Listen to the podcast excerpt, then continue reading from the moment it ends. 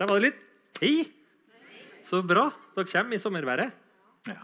Ja, det var mhm. Det var, fikk jeg på første benk her, da. Det kan jo eh, Nei, men Så bra. Er det mange som ikke har vært på Når ulven kommer-show før? Ja. Det var ganske mange. Da syns jeg vi skal si noen ord om hva det er, og hva vi holder på med. Ja. Eh, det Utgangspunktet var at jeg og Sven møttes ehm, på et annet konsept jeg har, som heter Hodebry. En podkast jeg har hvor det er, veldig, det er så mange ting som ikke jeg vet. Jeg er veldig søt, men ikke så smart. Så da inviterer jeg masse, masse gjester. Eh, eksperter på alt mulig, og så snakker vi om hva det er. Og Da var det invitert av Svein, og vi snakka om pedofili den gangen. Faktisk den mest hørte podkastepisoden. Eh, Ever. Eva, som jeg noen gang har lagd. da. Um, og, og, og så sier ja, det her må vi jo gjøre mer av. Det her var jo artig. Og da lagde vi konseptet her. Når ulven kommer Ulven, slutt å sende oss uh, uh, sinte meldinger på at uh, La ulven være i fred og sånne ting. Ulven i det her, i det her konseptet vårt er en eller annen form for psykisk utfordring. Så ulven kan erstattes med når angsten kommer, når depresjonen kommer osv. Um, så vi har hatt masse forskjellige temaer. Mm. Uh, I dag så er det smerte. Ja. Um, minner meg om det som um, Det blir tatt opp der, så du kan høre det igjen. På, det ligger på Litteraturhuset sine sider. Ja. Og så har vi, har vi det sånn at Uh, vi har jo veldig lyst til å høre hva dere tenker og hva dere mener. Og dere må gjerne stille spørsmål. Uh, det som er, er det at uh, vi, eller da det, det ungdommelige alibiet i denne gjengen, som nemlig er meg, har foreslått at vi gjør det på Facebook. Så det her kan dere få lov til å ta fram telefonen når dere vil, og så skrive inn til Facebook-gruppa vår spørsmål. Så da går dere inn på, på Når ulven kommer-gruppa på Facebook. Send melding. Så kan dere si jeg lurer på, kan dere snakke litt om det her? Og jeg vil sitte med iPaden hele tida, så da, jeg, da, får jeg hele tida inn spørsmålene deres. Og kan ta dem opp her ettersom de passer. Hvis det er masse spørsmål som vi ikke får tatt opp, som er veldig relevante, så gir jeg dem til Svein etterpå. Og du har et annet konsept som heter 'Når ulven svarer'. ja. Genialt. Ja. Hvor, og det er faktisk ganske genialt. da. Det, Der imponerte du meg litt. Ja. Du, du, du har ikke trua på Facebook, og du er ikke der. Og, men podkast det er du en rev på. I motsetning til han da, så er jeg ikke så veldig søt, men jeg er veldig smart. Ja. Så, så vi passer godt sammen. Det er veldig bra for meg som er både søt og smart. Ja, ikke sant? Ja. Ja. Eh, så jeg skal vi si ferdig det med, med den podkasten. For der kan dere da gå inn og så lage, lage en sånn type femminutters, treminutters eh, eh, klipp hvor han rett og slett svarer ut spørsmål. Og det har vært spørsmål som vi har fått fra hele veien og mange forskjellige show. Ja. Så, men igjen, altså det som jeg da velger Det er ikke alle, for noen ganger Sist gang så fikk vi 50 spørsmål, tror jeg. Så, eh, så jeg velger ut noen, og så laster jeg dem opp. Og da finner dere dem på den podkasten når ulven eh, svarer. Eh, og jeg prioriterer spørsmål som har med dagens tema å gjøre. bare så det er sagt, Men det er for mange rare spørsmål, så dere vil også finne mange andre ting, ting der inne. Et lite poeng det vi hadde, det var, det var litt, sånn, litt artig, men litt trist òg. For vi hadde jo eh, vanskelig kjærlighet eh, som tema en gang. Eh, om parproblemer. da. Eh, og da var det veldig mange som sendte inn spørsmål, men de sendte det inn til Litteraturhuset sin eh, side. Så der var det en som het Ola. da, som Han, han ble behagla på med vanskelig historie. 'Jeg har det så vanskelig parforholdet mitt.' Og Ola ble bare mer og mer lei seg. Bare, 'Hva er det som skjer?' Så send det til når ulven kommer til Facebook-sida, og ikke Litteraturhuset sin. Fint. Da har vi sagt det. Ja, sjekk. Og det er meg og deg, Svein. Og så har vi en gjest. God dagen, du. Hyggelig. Eh, Sigmund Østgaard Gismervik. Ja, Det er vel fulle navnet. ja. Det er fulle navnet. Uh, du er vår ekspert i dag. Er du komfortabel med å bli kalt ekspert? Ja, jeg satt og lurte litt på det. Uh, Jeg tror vel det er helt greit å, å, å være ekspert når man er overlege og driver på forsker forske og alt mulig rart, så må man jo nesten ikle seg den rollen. Mm. Men, men jeg må si at um, i det her feltet vi nå skal inn i i kveld, Ja. og for så vidt ethvert sånn felt som egentlig er ganske allment, så er det jo sånn at dess mer du lærer om det som ekspert, dess mer skjønner man at det er så mye mer igjen å lære. Ja. Og også det at uh, dere som sitter her, er eksperter på deres kropp og deres liv og deres eventuelle smerter. Vi får se om vi kommer inn på det. Um, så det er med litt ydmykhet at jeg da ikler meg ekspertstolen. Ja, for det er liksom er mitt inntrykk. Jeg synes det er så artig. Det er sånn, der, det er sånn norsk uh, greie. Vi har så mange gjester som, og eksperter på, uh, som er med oss. Så nei, jeg er ikke noen ekspert. Alltid noen som vet mer. Og, Det er bra. Det er sånn det skal. Er det noen, er det med er det man, Hvor mange her er det som har av forskjellige grunner vondt akkurat nå? Ja, sånn litt under halvparten. Kan jeg få lov å spørre deg om det der? Ja. Litt annet. For jeg lurer på sånn, hvor mange som har hatt vondt en eller annen gang. Jeg, jeg tok med Paracet. Eh, så hvis vi bare sender den rundt Jeg gjør det. Er det virkelig noen som ikke har hatt vondt noen gang? Hvor mange som har hatt vondt noen gang? Det var kanskje et dumt spørsmål, men det er ikke et helt dumt spørsmål. Det er sånn medium Ja, det er liksom noen som synes jeg. da. Synes det. Ja, men det er faktisk noen som er født uten smerte. Ja, Men, er men de blir jo ikke Blir de så gamle? Nei, de dør fort. Derfor har jeg vært litt overraska hvis det er noen som ikke har hatt vondt her. Men, eh, men eh, hvor mange som har hatt vondt siste åra? Ja, Hele tida, eller sånn stort sett hele tida siste året? da? Det er omtrent sånn som i Nord-Trøndelag. For der er vel ca. en tredjedel som svarer at de har hatt vondt mer eller mindre hele tida siste halvåret til året. Ja. Ja, nei, men da vet vi det. det. Da, takk. Da, vi, da har vi fått, fått nok. Da ses vi igjen om eh, Jeg må, må si litt mer, fordi eh, jeg traff jo Sigmund da jeg var med i et forskningsprosjekt faktisk på hva som hjelper mot eh, smerte. Eh, fordi det er jo Å ha vondt det er jo veldig, du kan jo spørre, Er det noen som har lyst på å ha vondt her? Og Det er jo kanskje over et annet tema, for så vidt. Altså, vi kan ha en annen gang. Eh, men- Du har jo noen av de. ja, men, eh, men de fleste vil jo ikke ha vondt. Eh, men det må jeg si at jeg, da jeg begynte å jobbe med, med, med, med folk som hadde vondt, altså smertepasienter på, på øya, der Sigmund jobba Så min respekt for folk som har eh, smerte, bare gikk rett opp. rett og slett. For jeg har ikke noe spesielt vondt, i hvert fall ikke noe særlig. Da, men du kan ikke se smerte. Så jeg liksom tenkte ja, hvor ha vondt liksom, jeg har vondt til å slå meg på, på, på, på, på tommelen med, med en hammer, og så går det over. Eh, men det å ha vondt hele tida er vel sannsynligvis noe annerledes. Da. Hvert fall det, kan, det, det vet jo du litt om. At det er forskjell på dem som har vondt hele tida og tar imot behandling, og dem som bare har vondt i en tann. Og det har du forska på. Bare, bare, liksom. Ja, bare, ja. Ja, kan du si noe om det? Men så også kanskje i Kan vi få noe for vår sånn definisjon eller liksom sånn tenker- utgangspunkt vi kan starte, så vi vet liksom har felles Og Det fins jo masse definisjoner av smerte. Men eh, jeg tok med meg litt sånn den offisielle fra eh, verden, den internasjonale smerteorganisasjonen. Da. Det fins jo sånne organisasjoner innenfor faget. Det, Det tror jeg det er et helvete å jobbe. Nei, det er ganske artig. Det er artig, artig. Ja. okay, det blir humor, før du begynner, nå, nå korrigerer meg snart, på, for vi bør ha en struktur, da, men jeg kommer akkurat fra Rettspsykiatrisk forum. og Der kom det en politi som var inne der, og han var da trusselplanlegger. så det var en kul tittel, da.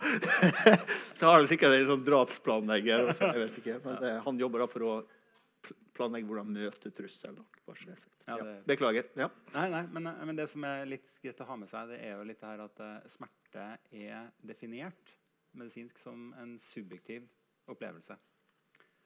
Uh, en subjektiv opplevelse som er prega av Eller som, eh, hvor man har en uh, truende eller eh, eller oppfatta som truende vevsødeleggelse. Um, og den er jo farga av hvordan man tolker smerten. Uh, hvordan man uh, Hvilke følelser det bringer fram. Uh, og tidligere erfaringer man har hatt.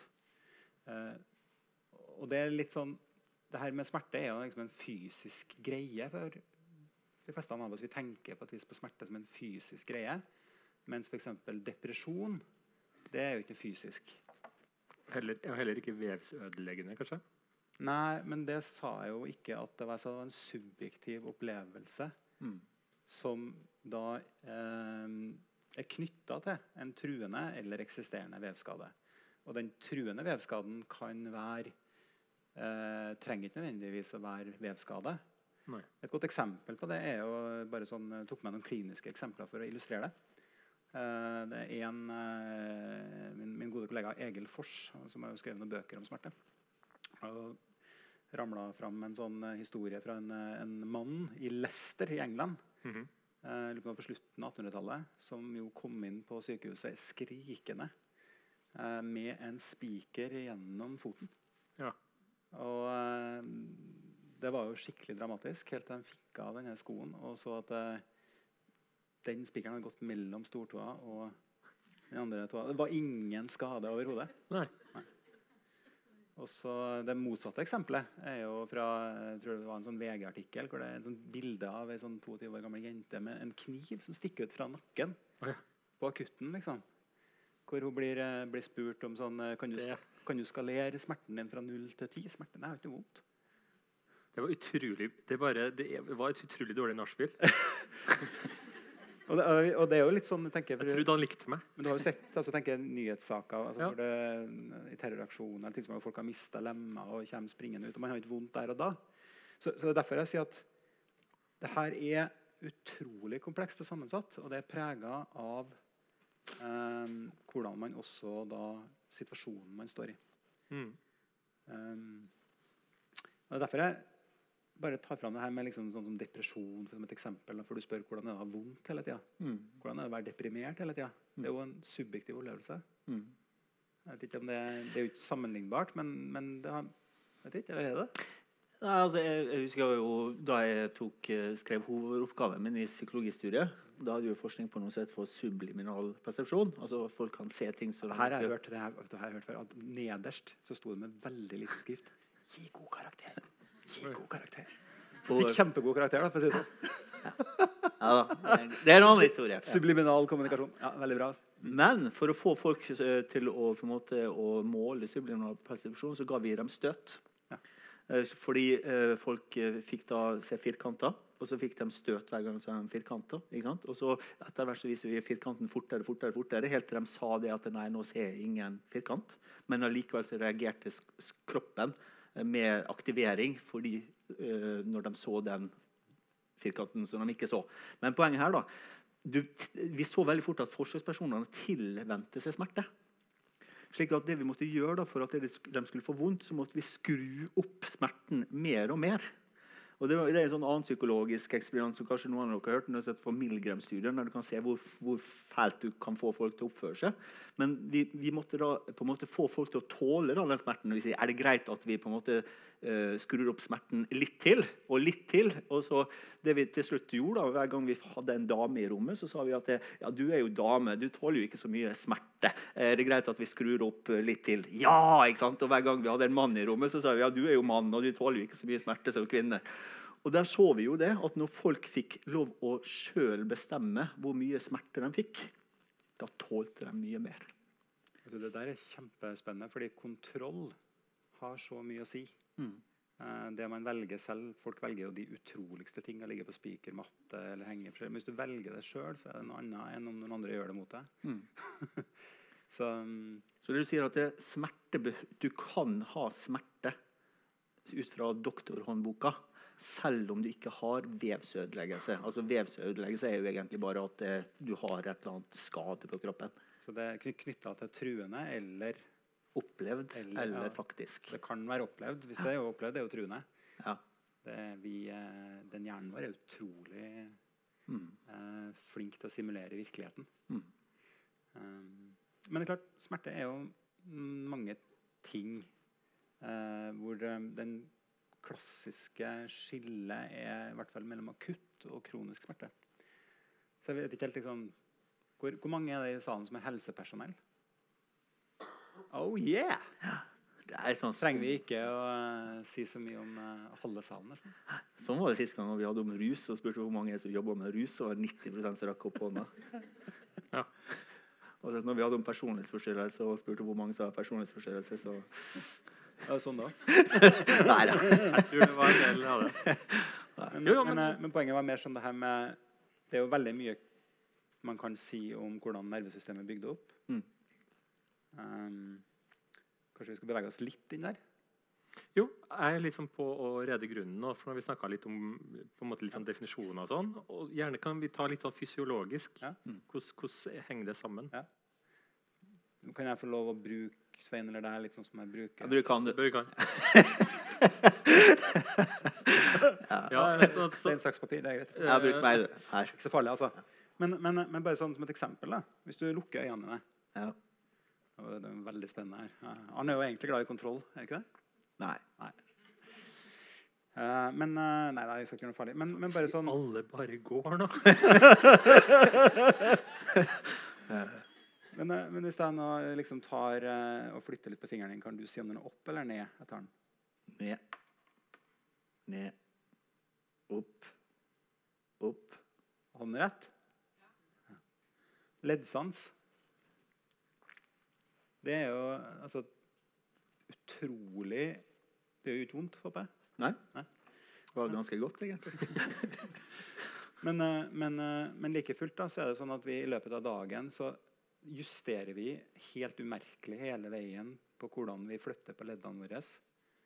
Og de her få personene som er født uten smerte, en av grunnene til at de dør før de når eh, tenårene, er jo fordi at de mangler den evnen til den småjusteringa. Sånn at eh, de får ledd som ikke sitter i ledd. altså De får, de får ødelegge huden sin fordi de får sitte-liggesår. For de flytter ikke på seg. Og det, vi gjør, det er jo ikke vondt når vi sitter her, sånn, så flytter jeg kanskje litt på meg sånn. sånn men, men det er jo ikke fordi at det er vondt, men jeg gjør det helt automatisk. Eh, for å spare det her vevet. da. Mm. Og det er jo smertens funksjon, kan du si. Det er jo egentlig det her med å overleve og spre genene våre videre. hvis den skal ta det litt videre. Men når jeg gjør sånn, da Når jeg flytter på en her, så, eh, så er det jo sensorer inni her som legger merke til det. Mm. Og hvis jeg på et vis hadde dratt av fingeren, så hadde du hatt noen andre sensorer. Det fins forskjellige typer. Eh, og da fins det forskjellige typer fibre som går eh, oppover forskjellige typer nervefibre. Noen som er raske, og noen som er seinere. Hvis dere kjenner, dere har slått dere med en uh, hammer på en finger en gang Dere kjenner, husker forskjellen på den, der, den der første ah! og så den ene der som kommer etterpå? Mm. Det er liksom, det er C-fibrene, de sam, sakte som kommer etterpå. sant? Det er dem som er liksom den der bankende mer sånn der, der. Så Sånn fungerer jo akutt smerte. Litt på samme måte som det vi gjør her. Kan vi gjøre et sånt eksperiment uten at det gjør vondt. Mm. Men så går det inn da, som en sånn telefontråd inn i ryggmargen din. Og ryggmargen er som den store telefontråden. Sant? Den der internettet. Jeg liker at du er så gammel at du tenker sånn at ja, nei, vi må jo inn til sentralen, hvor, Ja. hvor du liksom bare blir patcha over til Ja, men det, faktisk, for det er sånn det er. Og det er sånn at eh, hvis Dere ser, dere har jo sett sånne bilder av sånne gamle telefonsentraler. Mm. Jeg var på Lekka en gang eh, her i fjor sommer. Der fikk vi se sånn liksom, Ja, den var klippa inn til Hansen akkurat i øyeblikket. Å ja. Ja. Og det, det er litt sånn i ryggmargen, sant? Og der kan det skje ting Mm. uh, inni ryggmargen hvor det kan klippes feil. Mm. Det, signalene kan, altså det kan skje ting som gjør endring, plastiske endringer. Og jeg bruker også å si- det med liksom, Vi har en forsterker der. For det snakker jeg Når vi snakker om vi kommer over til den akutte smerten for det her var det vi om nå, Den går der, der, der, der, og så finnes det litt forskjellige raske og kjappe. Mm. Men når vi kommer til den langvarige smerte Jeg prøver ikke å bruke ordet kronisk. da. Eh, For ord er liksom noen ting med at det kronisk, da er det jo aldri kvitt. Men det er jo ikke alltid sånn. Langvarig smerte. Da har vi bl.a. noen sånne forsterkermekanismer inni, inni sentralnervesystemet som kan skru volumet opp eller ned. Og de kan jo virke på akutt smerte, som vi snakket om i stad. Men så går det opp da, i den store telefontråden, og så går det opp her. Og da finnes det jo sånn, eh, sånn her, her finnes det en sånn jeg si det, Kan, kan, jeg se akkurat hvor eh, Ja, er her, her, her, her, Ja, finnes det der, ja. der har vi et sånt område som gjør at vi kan si eh, eh, hvor. Eh, hvor er det vi kjenner her? Men, der- Men er det, er det liksom i hele, Er det én bestemt Ja. For hver, hver eh, del av hjernen har jo en funksjon. Ja. Er det en smertefunksjonsdel? Nei, den delen her handler mer om lokalisering. Ok. Så det er en sånn, eh, det, er en sånn, det sånn veldig veldig artige bilder som vi som har gått med medisinskolen. Og dere òg kanskje har psykologer. Må dere lære litt sånt òg? Lenge sånn siden, ja. ned- nedvurderende. Dere, har dere Så tøvd. Du, da- Det tok så lang tid før jeg bare må gå. Ja, dere ja. Fortell mer, da. Eksperten. Ja, Der ser du, ut du. Det er greit. Nei, men, eh, men, eh, men der er det jo sånn at den delen som alle sikkert har som helsepersonell har vært borti, så er det jo fordelt sånn at tunga for eksempel, har veldig mange flere smertesensorer. På fingeren vår så kan vi jo skille mye mer. Men så går jo det signalet derfra, og så går det fram borti frami her. Og det er jo det liksom der hvor personligheten vår sitter litt forskjellig. Og min, minnefunksjonen i hjernen også med. Og så kobler det på Frontal cortex. Ja. Kjenner jeg det godt.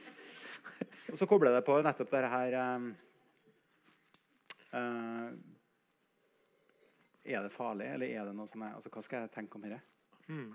Og det kan være sånn som at du går i skogen og så risper jeg på en kvist ikke sant, og kikker på dette her, og så tenker jeg at å, jeg rispa meg på en kvist.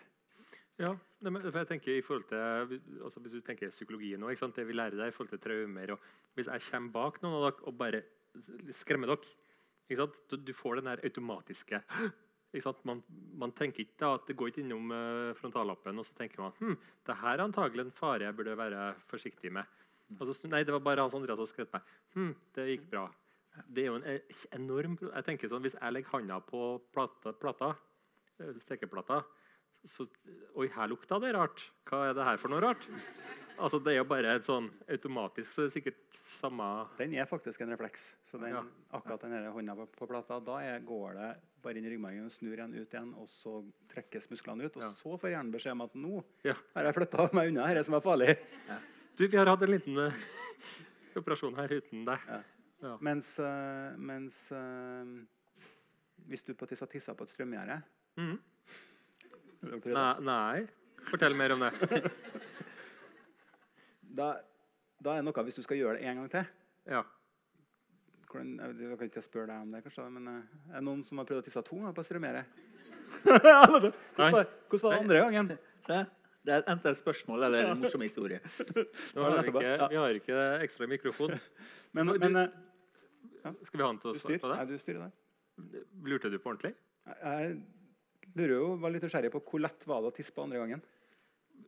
Vi, få høre, og så må vi gjenta det, så vi får det med på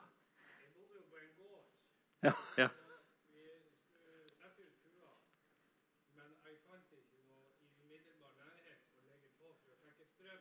Nei. To ganger.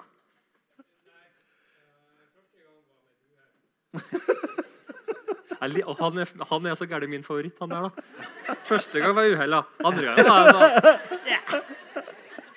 Det du sier, For at vi skal få det med, så var det sånn ja, så Jeg bodde på en gård, da, og så skulle vi slippe ut kuene. og Første gang så var det uhell. da. Ja. Andre gang så Ja, Kjempebra hvis du ikke har en sånn strømtester, for den får du kjøpt på Claes Olsson og Biltema. du, Han har jo tissen sin, han trenger ikke strømtester. Hva du mener Men, eh, men, eh, men hvis du har putta hånda på ei kokeplate, da, så er det sånn at eh, andre gangen da, så vet du at den plata er varm. Så du, Ja. det, er, ganske vanskelig å gjøre det en gang til. Og da Men- er det forventningsbiten som styrer. Men moralen er når det gjelder tissen, så, så er vi gjerne borti to ganger. Det er det jeg prøver å si? Det er klart, Der er risikoviljen litt større. Ja. Ja, faktisk, nå- det her, her, hva her er jo ny Nei, nå er vi informasjon, over. Eh, jeg var jo i min ungdom var jo i India. Nå tar det helt av her. Hva skal du fortelle om fra India? Det nå? Eh, og ved, ved Varanasis bredd, Ja. Ganges, Ja. og der er det massevis av sånne saduer. Det er et ganske artig konsept når du er i India og du er hindu. Og du har liksom gjort barn, gjort ekteskap, gjort jobb. Ca. 50 år når man er ferdig med alt det der, visstnok. Da kan man bli sadu, hellig mann, og bosette seg langs eh, Varanasi. Og for å få penger, da, så tok han fyren her oh, og dro frem tissen sin. Jaha. Du kan dra tissen din ganske langt ut sånn. Men hvis du holder i forhuden. da. Og så tok han og slengte over noe tau. Og så var tauet festa til murstein. Og så bøyde han seg ned med knærne, og så! Og så dro han opp ti kilo murstein. Og det var det han levde av. og jeg dekka jo ikke det bare én gang, men han venta til det var nok turister rundt. da. Eh, Til han fikk nok rupi, og så gjorde han det her. da. Så jeg vet ikke, han, han, jeg, tror, jeg tror han var veldig heldig. Og, og så fikk han litt hjelp med hasj, tror jeg. ja, sånn, ja. Men inderne de kan partytriks. Det skal de ha. Men, men er spent. Tilbake igjen til Ja, nervesystemet. Ja, Få høre hvorfor, var vi, hvorfor vi, vi lurer på tissen til han stakkars publikummet. mer på at hvis du da eh, går i skogen, Ja. og så liksom kjenner du det her, og så kikker du på, og så eh, ser du den igjen der, og så ah! En slange som har bitt meg! Ja. Da er det samme stimuliet. Ja. Det er samme veien opp. Det går opp dit, og så kommer vi fram dit. Og så er det plutselig to vidt forskjellige veier til hva slags følelse som kommer oppi det. Og vidt forskjellige veier til hva man gjør med det. Ut ifra personlighet. Eh, kanskje. Men eh, Dramatiske personer har mer vondt. nei, det kanskje handler mer om hvordan du tolker det som skjer. Så det, men for å være litt sånn seriøs, så er det jo sånn altså, Det er klart det farger veldig mye òg. Altså, hvis du tenker på eh, voldtekt versus fødsel. Eh, kanskje et ekkelt eksempel, men, eh, men, eh, men det er ganske forskjellig vondt å føde barn. Altså. Men de fleste kvinner gjør det jo igjen. Mm. Eh, og det, så det handler jo mye om, om hvordan vi forstår og fortolker smerte. Også hva vi gjør med det, hvordan vi opplever det, hvordan vi husker det. Mm. Mm. Og om, om det er fare involvert. Fare påvirker altså Hvis vi tolker det som farlig, Ja. så påvirker det smerteintensiteten. Men derfor, Det, blir, det, blir, det kjennes mye vondere ut hvis vi er redd. Men hvis jeg får eh, Jeg kan få Går i skogen, eh, ødelegger armen.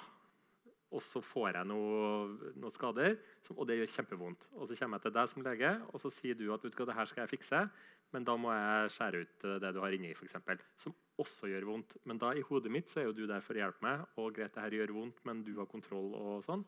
I motsetning til den vondten som jeg fikk først. Ja, bare at I det tilfellet der så kan vi bruke lokalbedøvelse. Ja, neha. Da gjør ikke vondt i hele tatt. Så kan vi hvis du er snill, så gjør vi det. Nei, men jeg bare tenker, altså, Poenget mitt var bare det der med at hvordan jeg ser på Nå får jeg vondt, men, men jeg har en tanke om at det her er en, en bra ting. Mm. Mm. motsetning til nå har jeg vondt, men det er en farlig slange. eller hva det nå er da. Men når du sier intensiteten er, er forskjellig, så sier du at det, det, det gjør vondt. Men hvor vondt det gjør, Hvor vondt det oppleves. Altså for det, eller hvor vondt det oppleves, eller Ja, hvor, det- hvordan det- det er, men det, det påfar, eh, av hvordan du opplever situasjonen. Det er det du sier. Hvis For du har smerte uansett. Smerte er jo smerte er så enkelt det, at det er egentlig at hvis du sier at du har vondt, så har du vondt. Ja, nettopp. Så hvis jeg nå sier til deg, Sigmund, jeg har vondt, Mm. så har jeg vondt. Da har du vondt. Men, men hva hvis vi legger han i en Hvis det, det vet du ikke om du, du kan jo selvfølgelig Nei, jeg har ikke, jeg har ikke, jeg tuller med det. Men da tuller du på det. det. Da har du ikke vondt. Men Nei. hvis du mener det Så hvis, det, hvis du opplever sjøl at det er vondt, Ja. uten at du finner noen ting på noen ting som finnes, så vil du allikevel si OK, Svein, jeg finner ikke noe objektivt her, men hvis du har vondt, så har du vondt. Hvis jeg kommer til deg og sier at jeg er lei meg, Ja. så sier du nei, det er ikke du. Nei. Kan ikke måle. Men jeg tror det, det der er ganske viktig at folk forstår. For jeg tror veldig mange folk tenker som så at man har ikke vondt, eller får en forståelse hvis man går til en person og sier hvis du ikke finner noen ting, nei, da har ikke du vondt. Da er det bare personligheten din eller lignende ting. Men nå sitter jo du her, seriøs forsker, lege, og sier at jo da, det, du har vondt, selv om ikke vi finner noen ting. Og det som veldig ofte er problemet, er at uh, når man er pasient, da, så kommer man jo Mm. kanskje til et helsepersonell, til en lege, og så hører vi ofte blant de som har hatt vondt lenge, da, Mm. At uh, det er sånn at de har ikke trodd meg. Nei. Riktig. Uh, Og det vil jo jeg tenke vil bare gjøre at du får det enda mer vondt. da. I hvert fall så kjenner du deg både, blir både lei deg og har vondt, og det går, ekstra, det går mye dårligere. Jeg ville blitt sint. det. Ja, jeg vet. Jeg vet. Men, men, men det, som er, det som er problemet, er jo ikke det. Men det som er problemet, er igjen det at hvis vi har vondt, så er jo tanken ofte at vi går til noen, og så kanskje vi har tanke om at vi skal få det bort. Mm. Mm. Og det går jo ikke alltid. Nei. Eh, som vi så her, det var ganske mange her som har hatt vondt ganske lenge. Jeg er sikker på at de har gjort ganske mye for å få det bort. Um, og det er en kjempeutfordring, altså. Fordi Vi snakka litt om det her med aversjon. Et vanskelig ord. Men det betyr at man ikke liker noe. Jeg tror ikke det fins noen ting i verden som er så aversivt. Eh, altså Som man prøver å unngå så mye som smerte, hvis det er intenst nok. da. Det er jo nesten et læringssignal som gjør, egentlig betyr 'stopp, ikke gjør herre'. Mm. Og det funker veldig bra for akutt smerte. Det funker veldig bra hvis du har brekt foten, og så fortsetter du å gå på den. og så Da er den volumknappen vet du, som Mm. skrus opp. Mm. Eh, og så sier fra 'ikke gjør dette'. Og da gikk det sannsynligvis bedre med dem, ur, dem, dem i våre forgjengere som hadde en sånn volumknapp som ble skrudd opp. Mm. Men Ikke, ikke gå på knekt fot. Ikke gå på knekt fot, nei. Mm. Men problemet er at evolusjonen, da, som har, eh, vi alle sammen er jo overlevere fra dem som, som hadde sånne mekanismer. Men evolusjonen bryr seg jo katta om vi har vondt, sjøl om vi får barn. Mm. Går det an å få barn sjøl om man har vondt? Ja. ja. Derfor så er det litt, det er litt sånn vi er, det er som en sånn innbruddsalarm som er skrudd opp så sensitivt at eh, når det går forbi noen på gata, så går den av hele tida. Mm. Og så er det noen som har en sånn innbruddsalarm som er skrudd opp så sensitivt at det liksom, hvis det går noen på andre siden av byen, så altså Hvis vi liksom tenker oss at den er skrudd opp så høyt at, det, at når jeg gjør sånn her er ja, Når jeg gjør sånn her på Svein, så får Svein vondt. Ja. Da er volumet skrudd opp høyt. Ja. Og da er det ganske ille å være til. Så fibromyalgi er jo en sånn type tilstand hvor man har vondt over alt. Og hvor alt man gjør, så, alt smerte man får, veldig ofte da oppleves på et større volum. Ja. Det er ikke noe særlig ålreit å ha, men det går an å leve bra med det òg. Men eh, ja. Du snakket om depresjon i stad. Altså, det- i hvert fall jeg har lest noen studier at ensomhet gir smerter. Også. Ja. Så øh, om det gir altså Igjen, da kommer den definisjonen din, da, altså det, om det føles eller oppleves. Men i hvert fall at det er personer som er deprimerte, vet jo vi. De har, er mer sensitive for smerte. De er for så vidt mer sensitive for høye lyder og en del sånne ting, og for visuelle inntrykk og synsinntrykk. Men også, men også sånn som jeg forsto, så, så var den studien der var bare å være ensom i seg sjøl gir smerte. Og det er jo verdt å ta med seg, da. Apropos ting som folk ikke vil være. Så er det å være ensom. Hvis du får velge vil du være ensom eller ha smerte. det er et vanskelig valg, da. Men, sendte jo et par artikler for, eh, for det her. Det ene av de artiklene har jo putta friske folk i eh, en MR-maskin. mm, Dere vet hva en MR-maskin er, alle sammen her. sant? Og så finnes det noe som heter FMRI, som er sånn at ikke du bare tar bilder av hjernen, men du kan se hvor hjernen jobber. Altså hvilke deler av hjernen som er aktive. Og så kan de putte inn sånn videospill. Og det gjorde de, de putta inn sånn videospill inni MR-maskinen, så du satt og liksom spilte et sånt videospill som var sånn at du kasta ball til hverandre. Og så fikk de beskjed om at det lå noen andre folk i noen andre MR-maskiner og så på samme spillet. Sånn at de var med i sånn ballkasting.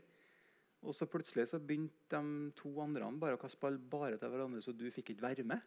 Mm. Å, det er så kjipt. Og der ligger det, bare, ja, Det er på hvordan de fikk gjennom den etiske komité. Liksom. Ja, ja. Men det som, det som er ganske sært, da, er at det områdene i hjernen som lyser opp, det er de områdene som, eh, samme områdene som du lyser opp når du har å prosessere fysisk smerte. Ja.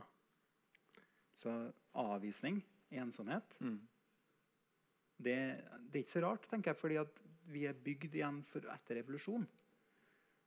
Og det å bli støtt ut av flokken mm, når vi var der, i- en gruppe på 20 på steppene i Afrika, som var det vi liksom, der vi evolverte hjernen vår, i hvert fall. mm, det var ensbetydende med, med å dø. sant? mm. Og det var det jo gjerne hvis du brakk foten og fortsatte gikk på den. Jeg tenker Det kan jo være liksom forsterkende. også, For at Hvis du er en person som har veldig mye vedvarende vondt Nei, uff, jeg, jeg klarer ikke å bli med på kino jeg, eller jeg klarer ikke det kafébesøket, for at jeg har det ikke så bra nå. Så blir, ekskluderer det i seg sjøl òg, kanskje. Så det ble en sånn vond sirkel. Det, det var noe av det viktigste jeg lærte eh, når, av pasientene når jeg drev på med den såkalte ACT-behandlinga. var jo at fordi Hvis du er sammen med folk som har det veldig mye vondt, så er det noen av dem, dem som snakker veldig mye om smerten sin. De blir veldig opptatt av smerten og snakker om seg sjøl. I, i verste tilfelle da så, så syns folk det er slitsomt og vil på en måte, ah, så holder jeg, og så begynner de å unngå den personen der. Hvis du ikke snakker om smerten din, så glemmer folk at du har det vondt. Og da på en måte ser de ikke hvor tøff du er som holder ut denne smerten. der. Så clouet er å snakke sånn passe om smerten din. Ja. Eh, slik at folk forstår og husker at du har det vondt, men ikke nok til at du kommer i en sånn eh, Å, nå begynner han igjen. Ja, Så det er sånn, det burde Hvis dere har mye smert, så burde dere gå på sånn kurs på en sånn passe passe snakke om smerten-kurs. Kurs til Svein. Ja. Eh, kommer sikkert an hvor du kommer fra og, og hvilket kjønn du har. og sosiale, Men, men altså, det der er, er, er viktig, tror jeg.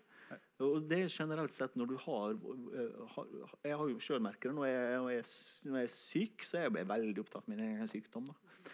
Og da, da blir folk litt lei, eh, rett og, rett og slett. Snakker du om kona di nå? Nei, jeg snakker ikke om Jeg snakker om, om, om deg, for eksempel. Ja. Mm. Men, men Hans Andreas, du har et veldig godt poeng. Fordi at langvarig smerte så er det veldig vanlig å bli eh, deppa. Eller å ha psykisk komorbiditet. da. Mm. Så eh, har jo eh, har en kollega, Gunn Hege, du kan jo få lov å reise deg. Ja, du kan få lov å reise deg. Det er jo en kollega av meg. Gi henne en applaus om dere det samme en gang. Yeah! Du heller ut med en Sigmund hver dag. Ja. Vi gjør faktisk det. Det, det vet dere at det er ikke helt enkelt. Jo da, du, så, så nå, nå kom igjen, nå. Ja, nå må vi Men, eh, men, Skal ta litt på han. ja. Ja. Men i hvert fall så Gunn Hegge hun har jo en doktorgrad eh, på eh, gruppebasert behandling av ryggpasienter. Og spurte dem jo i sin doktorgrad om hvor mange som hadde vondt. Eller som hadde, altså som hadde liksom fylt ut som spørreskjema for uh, psykisk lidelse. Mm. Og da var det ca. 40% av dem med langvarige ryggsmerter.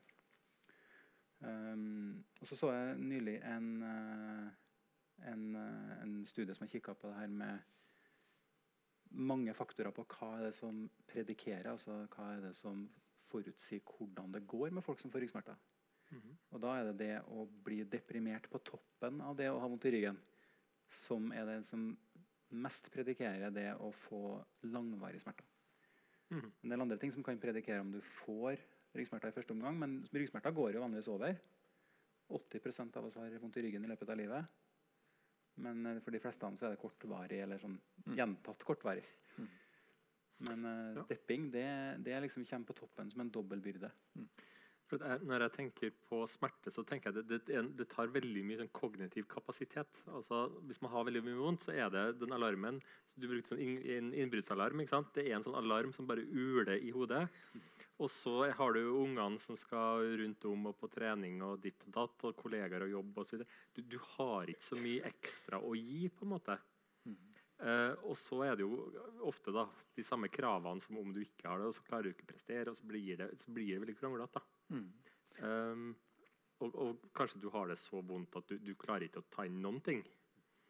Uh, og da kan det hende at parforholdet blir vanskelig. Altså, altså baller det så gærent på seg. Begynner du å lure på hvem er jeg når jeg ikke får til det her? Og Ja. Begynner det å bli sjøl, sjølbildet det går utover. Og så er det, ganske, det kan være ganske det kan være tungt. Hvis vi, si, nå ble det, nå ble det Ja. trist. Oi, oi, oi. Eh, men kan vi si snur det litt, da? Og så sier men, ok, greit, du har det vondt, da, men til tross for at du har det vondt, hos, har du noen tips og triks der i forhold til hvordan mestre vondt? Før, før vi går på den biten der, for det, det sa vi ikke så innledningsvis, men vi liker jo den der dialogen med publikum. Mm. Og nå ser du sitter med den iPaden din og kanskje har fått spørsmål, men det jeg håper på at det er fullt lov, eller vi er veldig glad hvis folk stiller spørsmål eller kommer med eksempler. Så bare sånn, kanskje Før vi går videre på den der biten, her, er det noen som kjennes igjen i det vi snakker om, eller noen som tenker at det er helt feil, det vi har snakka om, eller noen som har noen spørsmål til oss, og med det som mener til Sigmund, om det vi har snakket om så langt? Og i så fall så må vi huske å gjenta det, for nå har vi ikke den mikrofonen. Som Ja. Anyone? Synes, høres det fornuftig ut?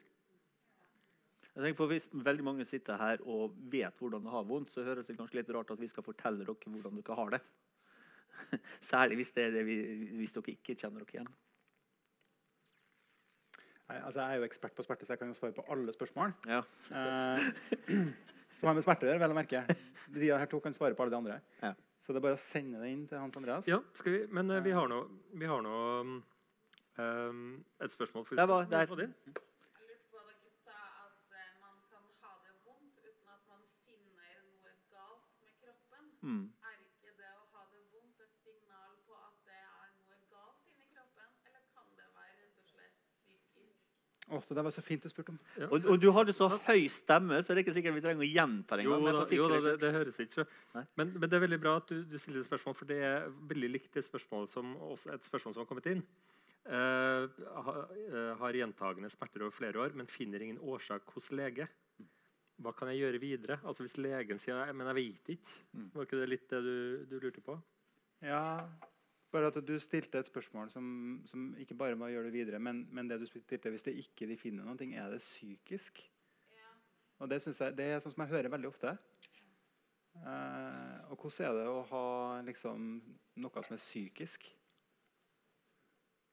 Hva, hva er psykisk? Du, det dere, må dere svare på. Ja, ja, altså, der har vi sånn som fantomsmerter, f.eks. Er det psykisk? Uh, nei, forresten. Jeg tar tilbake. Jo, men det, du kan behandle det. Du kan bli frisk ved hjelp av psykologisk behandling. Ja, det fins faktisk noen sånne rare metoder. Vi kan komme inn på det etterpå. Å, ja, okay. Å, så det skal vi krangle på. Det gleder jeg meg. Nei, ikke sånn, men det, men det er bare det, Jeg synes det her er så, det er så Vi henger sånn igjen i den tankegangen som Descartes mm. planta er som om at det er syke og soma. Altså at Enten så er kroppen, eller så er det psyken. liksom. Og det er jo bare tull. Det er liksom Vi, vi, vi henger sånn ut helt tett sammen. Eh, sånn at, eh, at på et vis at når du er deprimert, for eksempel, som vi da kaller psykisk, så påvirker det mange ting i kroppen din. Immunforsvaret ditt, blant annet. Eh, altså, jeg, her merker jeg får sånn frysning her. For at jeg, jeg bare liksom syns at det er så rart at vi sitter igjen ennå Mm. og tenker på det som enten fysisk eller psykisk. Og gjerne at psykisk, da. Da er det noe, noe som ikke egentlig er ordentlig. Men, men jeg oppfatter er sånn spørsmålet sammen, ditt enda mer. Da. Altså, jeg er enig med det du sier, Ja. Men jeg oppfatter også spørsmålet ditt altså, hvis, du har, hvis, hvis du har vondt i, i kroppen, da, eller vondt jo, vondt i sjelen vondt, altså, Hvis du har vondt, eh, uansett om du finner det objektivt eller ei, om det ikke er et signal på noe ikke sant? Det var sånn jeg oppfatta spørsmålet. Ja. Og da tenker jeg, ja, jeg tenker tilbake til det med ensomhet. for eksempel. Hvis du går rundt og har det veldig vondt, så kan det også være et tegn på at det ikke nødvendigvis er vevsskade en plass. Men det kan være et tegn på at det er noe i livet ditt som ikke fungerer. Og hvis du har lyst til å kalle det for psykisk, så er det helt greit for meg. Bare så det er sagt. Men jeg tror kanskje det er det vesentlige at måte det å ha smerte da, er, et signal om at et eller annet ikke fungerer.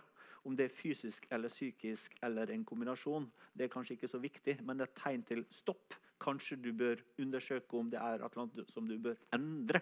Det er sånn jeg oppfatter spørsmålet litt. Og da, da er ikke det så vesentlig om det er psykisk eller fysisk. Hvor går grensa?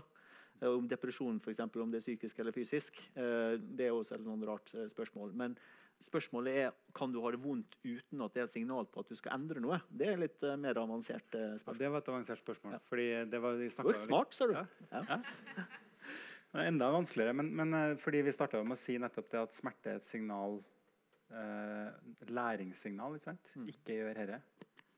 Og så gikk vi jo litt videre til å si noe om at uh, denne forsterkermekanismen den kan være laga sånn at den, den akutte smerten Fantomsmerter var nevnt.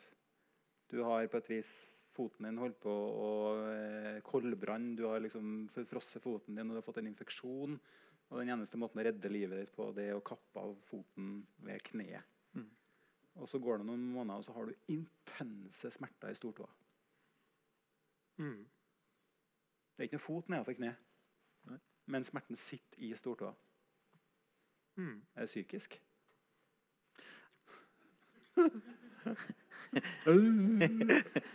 Men er det nødvendigvis et signal på noe? Er det liksom Altså, signal, eh, er det signal på at dere, her må du liksom, nå må du amputere foten, eller hva? Eh, For jeg vil ta andre veien. Det kan jo fullt mulig at du har smerter uten at det verken er noe vesentlig eller signal for noen ting. Det kan bare være at du har vondt. Akkurat som akkurat nå står det glasset her. Det betyr ingenting. Så kan ikke du bare ha eksempel, vondt i en finger uten at det betyr noen ting? Ja, det, det er et åpent spørsmål. Hvis vi tenker at en tredjedel av nordtrøndere har smerter som har vart i 6-12 måneder, og da har det som oftest vart mye lenger. Betyr det at det er noe galt? Altså, er de syke? Ja. Er det liksom noe som skal fikses på en tredjedel av nordtrøndere? Hvis du tenker at én av fem av oss, som de fleste, har depresjon i løpet av livet, um, kan vi ta det bort, depresjon, uten å ta bort noe annet viktig? Altså Hvis jeg hadde en rød knapp her, som dere som kom ville kunne komme frem og trykke på, og så ble alt det som dere ikke ville ha, borte Bortsett fra da, I tillegg til det da, så ble alt det dere ville ha, også borte. Altså Hva, kjærlighet. hva har du igjen da? Kjærlighet. hvis du mister ikke alle følelser, på en måte? Ja, altså du, alle, all glede. Du ble kvitt liksom de triste følelsene og du ble kvitt smertene, men du ble også da, samtidig så ble det ikke noe mer å glede seg over. Det ble ikke noe, ble ikke noe positive opplevelser. Ville du trykke på knappen? da? Hvor mange som ville trykke på knappen? Jeg skal, jeg skal ikke spørre om det, forresten. Fordi, ja. fordi at det faktisk er litt sånn at Ikke for å tulle, da, men, men det er ganske mange som sier at de ville ha trykka på den knappen med, med langvarig smerte. Ja, ja. Og det er det jeg sier at det er et så sterkt signal om at liksom, prøv å gjøre et eller annet for å bli kvitt det der. Eh, og den ultimate måten er jo selvmord. Det er faktisk ganske viktig å vite om at det er vanlig å tenke på å ta livet sitt når man har hatt smerter som har vart over lang tid. Så de som på et vis har det og har hatt sånne tanker, liksom sånn, klapp seg selv på skuldra og så si at eh, OK, jeg, det her er vanlig. Men det er forferdelig slitsomt. da. Men, eh, men det Jeg vet ikke om jeg svarte helt på spørsmålet ditt. En lang utregning. Men Eh, du må nesten få eh, Hvis du Jo. har en kommentar, eller vi kommer i på rett spor. svare, svare i forhold til det der med er det nødvendigvis noe som er galt. Og så var det spørsmål uh, ved, altså, Hva hvis du går til lege og så sier ja, men jeg, jeg, med all verdens medisinske tester som fins, jeg, jeg kan ikke finne ut hva som er galt med deg. Ja, jeg anerkjenner at du har vondt, men, men jeg vet ikke. Hva, hva gjør man da? var liksom. Nei, da drar du til en ekspert i USA isteden. Oh, ok, For de vet. Ja, ok. Hvis ikke det, så drar du til til Tyskland. Eh, ellers så på et eller annet tidspunkt så tar du et valg sjøl om at OK, hva vil jeg bruke livet mitt på? Eh, kan jeg på et vis sortere litt? Hva, altså, vi har begrensa tid her på jorda. Hva vil jeg bruke livet mitt på i forhold til det her med å prøve å lete etter altså Man vil alltid finne en måte, lete etter en måte å bli kvitt det på. Men kanskje si OK, sånn som det er akkurat nå, får ikke jeg gjort noe med. Men akkurat nå så kan jeg f.eks. prøve å bruke den energien jeg har, til å gå ut og leke med ungene mine, eller, eller gjøre noe som er viktig for meg. Mm. Eh, fordi det er ikke alltid, dessverre, da, at vi finner årsaken til smerte. Og det er ikke alltid at smerten har alltid, Veldig ofte så er smerte ikke farlig, spesielt når det har vart lenge. Smerte i ryggen, f.eks. Eh, mange tenker at det, altså, jeg har vondt i ryggen. Kanskje har skiveutglidning. Det høres jo kjempeskummelt ut. for det har glidd ut, og Hvis det har glidd ut, så kan, jo, kan jeg bli lam. Mm. Eh, så det er jo litt som vi snakka om i starten. sant? Sorter litt av tolkningene rundt det, hvis man klarer. Mm. Eh, og hvis man klarer på et vis å få avklart at det ikke er farlig, så det, Og det kan jo være vanskelig, men uh, vanskelig å stole på. Mm. Men uh, da må man ta et valg på et tidspunkt da, hvis at man har snakka med noen som man tenker egentlig burde ha peiling på det her. Så kanskje akkurat for nå, liksom, i hvert fall for de neste månedene, si at ok, jeg slår meg til ro med at det ikke er farlig. Mm. Og så prøve å gjøre det beste ut av det. Fint. Um, vi har uh, snakka i tre kvarter. Vi pleier å ha tre kvarter, og så tar vi oss en pause. Hvor dere kan både snakke med hverandre og med oss. Og så kan vi da etterpå går vi ofte mer på, på spørsmål dere har sendt inn. Det ser det fortsatt mulig å sende masse flere spørsmål. Uh, og så eh, Har du noen sånn fun facts etter hvert? Det vil jeg gjerne høre. Når, når Svein snakker om eh, når han på 60-tallet drev og ga folk støt på studiet, så Jeg har en fun fact på smerter òg, som jeg, jeg, Ja, altså, vet om. hold på den. Mm. Greit, Syns dere at det har vært greit så langt? Yes. Dere springer ikke, stikker ikke av nå, nei? Sting til barn, eller er barn borte vekk? Nei, har, eh, Dere kan gå og kjøpe drikke der inne. Alkohol får man ikke lov til å ta med seg inn her, visstnok pga. noe bevilgning og sånn. men det er varmt og godt, så kjøp dere noe kaldt å drikke. Og så snakkes vi. Så bra. Har dere fått eh, Har dere snakka litt med folk rundt dere? Er det noen som har snakka med noen de ikke kjente fra før? I hvert fall ikke. Takk og lov. Så mye gærninger her. Jeg holder meg for meg sjæl. Det er bra. Ehm, jeg ser jeg har eh, fått inn en del eh, spørsmål. Supert. De baker vi inn litt underveis, tenker jeg. Eh, fun facts vi slapp der. Ja. Har jeg det? Har du den? Det en annen artikkel som jeg sendte dere, eh, som nettopp nylig ble publisert. På effekten av paracetamol. Eh, Det var noen som da rett og slett har gjort en studie på hvordan paracetamol påvirker empati. Ja. Tar dere mye Paracet?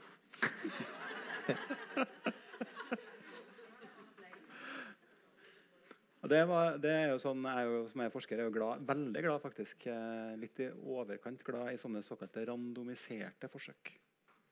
Og Det er jo da forsøk hvor man da kaster mynt og kron eller slår terning om hva slags behandling folk skal få. Og så er det gjerne beste når de er dobbeltblind. Det vil si at verken forskeren eller den som blir forska på, vet hva man får. Er b- forskningspersoner og frisører. Det er Dobbeltblind er beste. Nei, eller OK, greit. Unnskyld. Jeg må bare tenke litt, da. Jeg fikk den veldig morsom. Vi tar den etterpå. Men, eh, men, eh, men denne studien den, eh, Der hadde de jo da laga noen historier som folk skulle lese. Egentlig positive historier, faktisk. Så ikke smerte, men, men hvor det gikk bra. Sånn, Trine gikk på date og fant mannen i sitt liv, og det levde happily ever after. Jeg husker ikke, var ikke akkurat den historien, men nesten sånn. Og så så man da på eh, målte man hvor, eh, hvor liksom glad folk følte seg når man leste andres glede. Eh, og så eh, så man jo etterpå, da på, brøt man koden, og så hadde de fått Paracet eller ikke. Eller sånn placebo-norremedisin. da.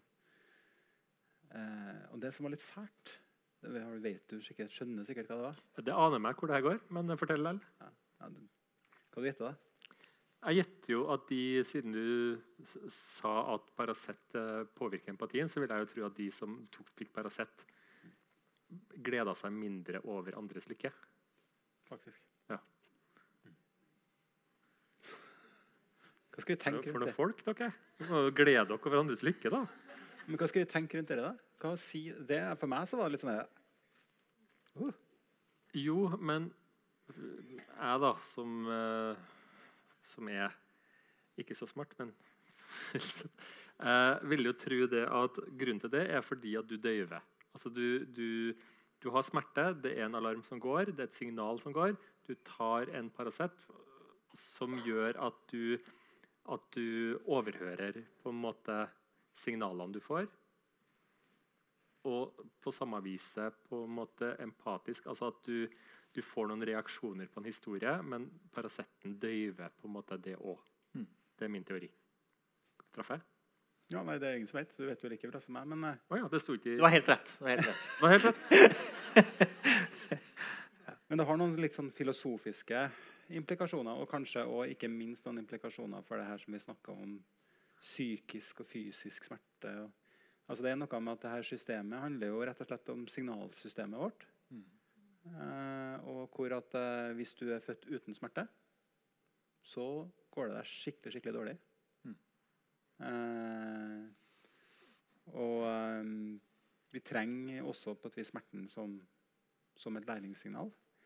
Eh, også når det gjelder den mer sånn her med empati, så kan det jo være det at eh, eh, hvis du ikke har følelser, så blir du ikke deprimert. Eh, Ja, det, men det. Jeg har jo møtt en del folk med psykopati, Ja. og de plager seg ikke med depresjon. Nei. Det, det, men de mangler jo Ja, nettopp. Men uh, apropos det der, den der studien Ja, da, da, ja. de opplev, da man uh, på en måte oppdager det med speilnevroner, Mm. som er uh, vesentlig for å forstå både empati og utvikling av autisme. så, så var jo det Jeg vet ikke om det er om et rykte eller ei, men du hadde da apekatter som man hadde eksperiment på. Uh, og så uh, uh, påførte jo man de apene når de fikk en eller annen forskning på det, så, så fikk de vondt. Og da når de målte den skannen, scannen, så så de da til apekatter når de så at andre folk hadde vondt, så hadde de vondt i den delen av hjernen der de sjøl hadde vondt. Det var sånn man oppdaga speilnevroner, eh, rett og slett. Så, og, og i språket vårt så, så snakker vi om Apropos kjærlighet og, og, og, sorg og sånn, så bruker vi ofte ord som at det er vondt. Vet alle sammen hva speilnevroner er for noe?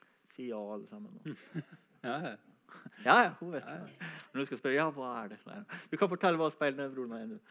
Jeg håpet du skulle gjøre det nå. Ja, nei, det, vi, øh, Poenget er at du kan faktisk finne en strukturelt område i hjernen, da, apropos fysisk eller psykisk, som rett og slett øh, lyser opp. da. Altså Det lyser ikke opp til vanlig, men når du da måler det på den måten der, så kan du da faktisk se det.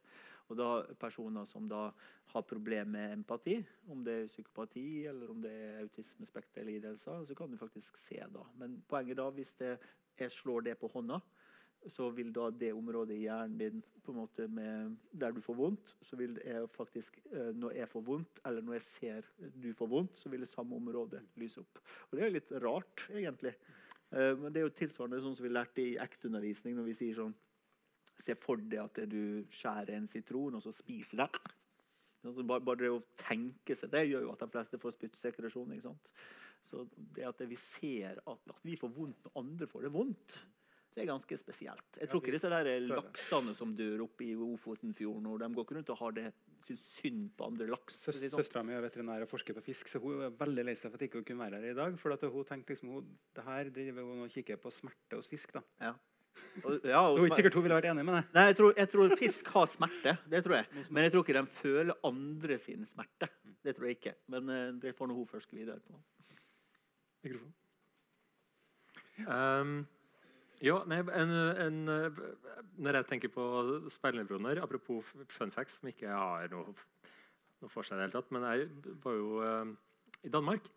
Uh, og der var, møtte vi uh, folk som har sånn forskjellige psykoselidelser. Bl.a. noe som heter alien control.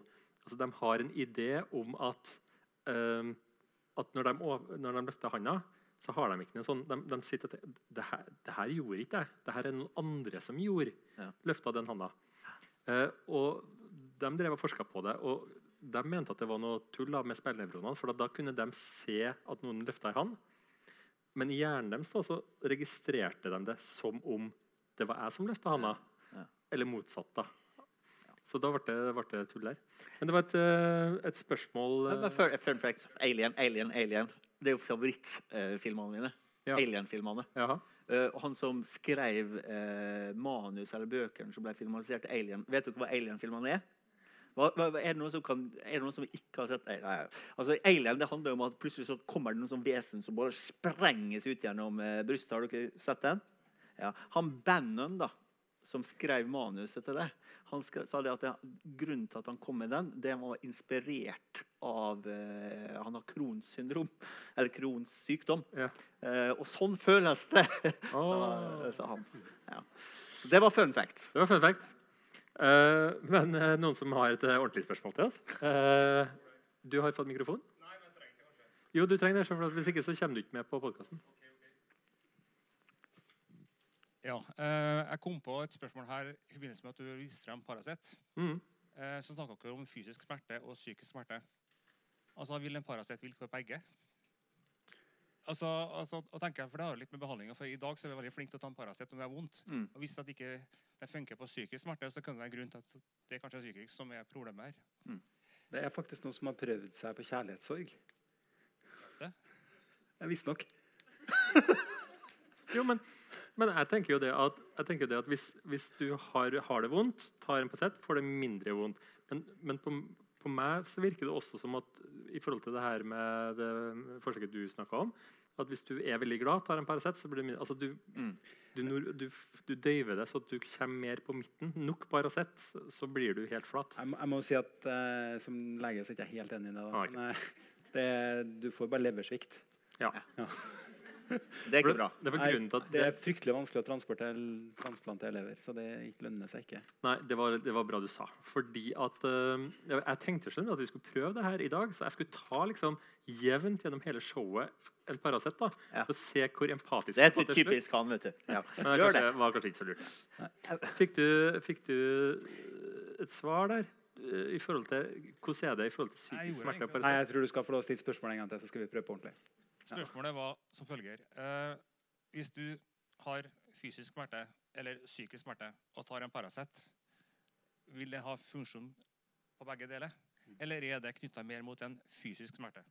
Altså med fysisk smerte så mener du en smerte der man kan se at du faktisk har en skade. Eller sånn Skade, eller at du har en dårlig hofte, eller du Ja. har en vondt i ryggen, eller noe, Mm. kontra at du har en smerte som skyldes da, som om her i stad, altså depresjon da, som Ja. gjør at du får en smerte, f.eks. Vil da Paracet ha samme virkningen? Ja, Paracet er ikke depresjonsbehandling. for å si Nei, det sånn, skjønner jeg, men i forhold til smertebehandling Altså, -hmm. altså, igjen da, med for å se om jeg har forstått det riktig. Det du tenker da, at det, gjennom psykiske tilstander eller psykisk lidelse, så kan du faktisk få en, en, en smerte i tillegg, det du sier. Om da Paraceten hjelper mot den eh, smerten, selv om det ikke hjelper mot depresjon. Ja, ja, for at, Du sa jo her i stad at det er en del smerter som ikke er knytta til fysiske plager, Mm. som da kan ha sammenheng med noe psykisk. Mm.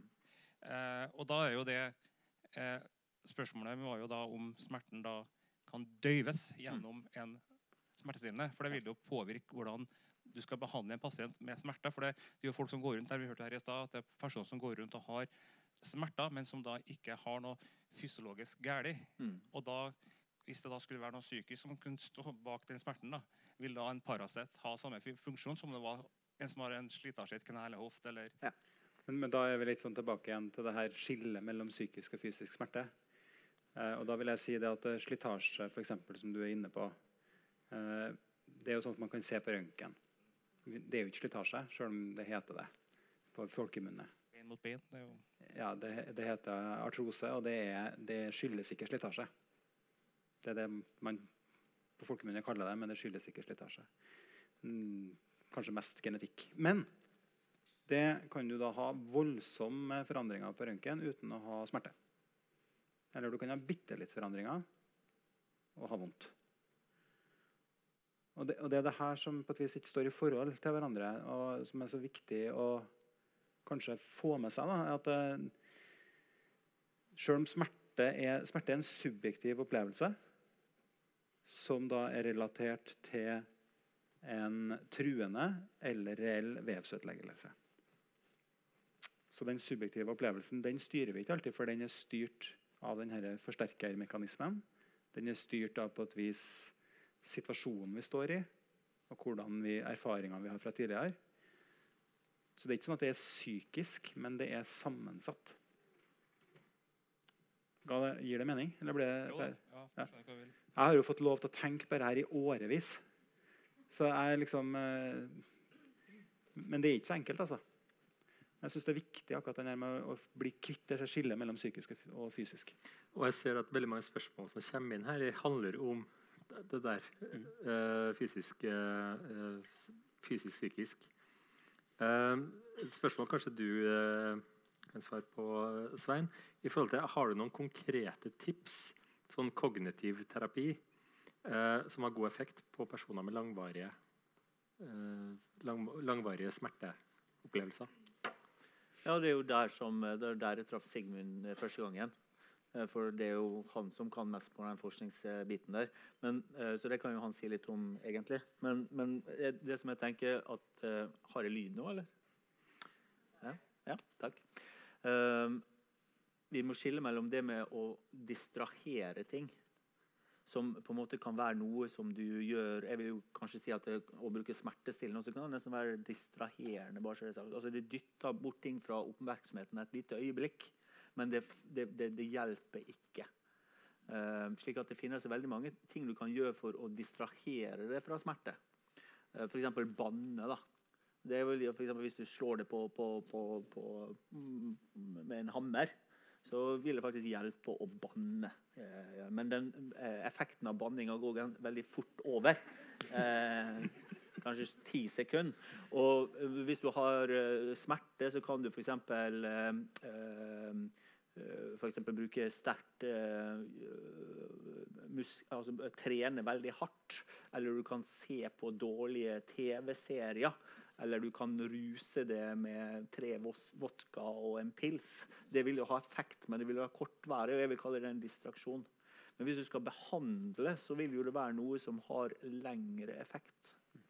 Så når man snakker om kognitiv terapi, så handler det om å heller forandre den biten i forhold til hvor sterkt smerten oppleves. Og Da er vi tilbake til det Sigmund sa i stad. Med at En ting er jo smerten, men en annen ting er intensiteten. Så du kan regulere intensiteten. Og de behandlingene som uh, på en måte er, har best effektiv på det, det heter accept and commitment therapy, f.eks. Uh, som handler mye mer om hvordan du skal akseptere hvordan du har det, og heller lære det å leve med det. Eller hvordan du skal nå de målene og verdiene som er viktige på det, på tross av at du har smerte, eller på tross av at du ikke kan uh, være med ungene og leke fordi du har vondt i ryggen etc. Så med kognitiv så handler det mer om hvordan vi på en måte tolker det å ha smerten. Og da vil folk se at når du går inn i den biten der, så vil faktisk smerten reduseres. Og, og, så det er det på en måte som vil være den psykologiske eh, behandlinga. Og det er ikke så lett som det høres ut til, da, bare så det er sagt. Eh, så, så, dette her er jo derfor man må på en måte gå i, til en psykolog eller en lege eller en sosionom eller en eller annen person som har peiling på den metodikken. For dette her må du trene på, du må oppleve det. Det hjelper ikke bare å si 'gjør sånn og sånn og sånn'. Jeg vil ikke si at man må det. altså Det finnes veldig mye ting man faktisk kan gjøre sjøl. Ja da, men det er ikke sånn at du liksom Men det er, ikke så, men det er vel altså det er ikke som du sier, det er ikke så lett. Uh, fordi at eh, det er ikke all smerte man kan ta bort. Nei. Um, og, og da er spørsmålet hvordan skal jeg forholde meg til det her Mm. i dag og i morgen? Mm. Um, Men f.eks. han yogien eller han saduen som jeg møtte i India. Mm. Det, det, bare, det bare viser hvor uh, sterkt man kan påvirke den fysiske opplevelsen av ting. Det vet jo vi fra både østlig og vestlig uh, tradisjoner. Eh, så det er klart at det, Men det her han, han sa det, han, han, på en måte, han tok ikke der, deretter to pils og et eh, brevkurs. Det er noe som han har brukt ganske lang tid på, på å mestre. da. og det paradoksale er jo at han har jo ikke mestra det gjennom å unngå smerte. Nei. for det, for det Altså det, det er litt sånn der, en sånn metafor som av og til er brukt det her med, med en sånn tigerunge. Nesten sånn kattunge. sant? De er jo litt søte.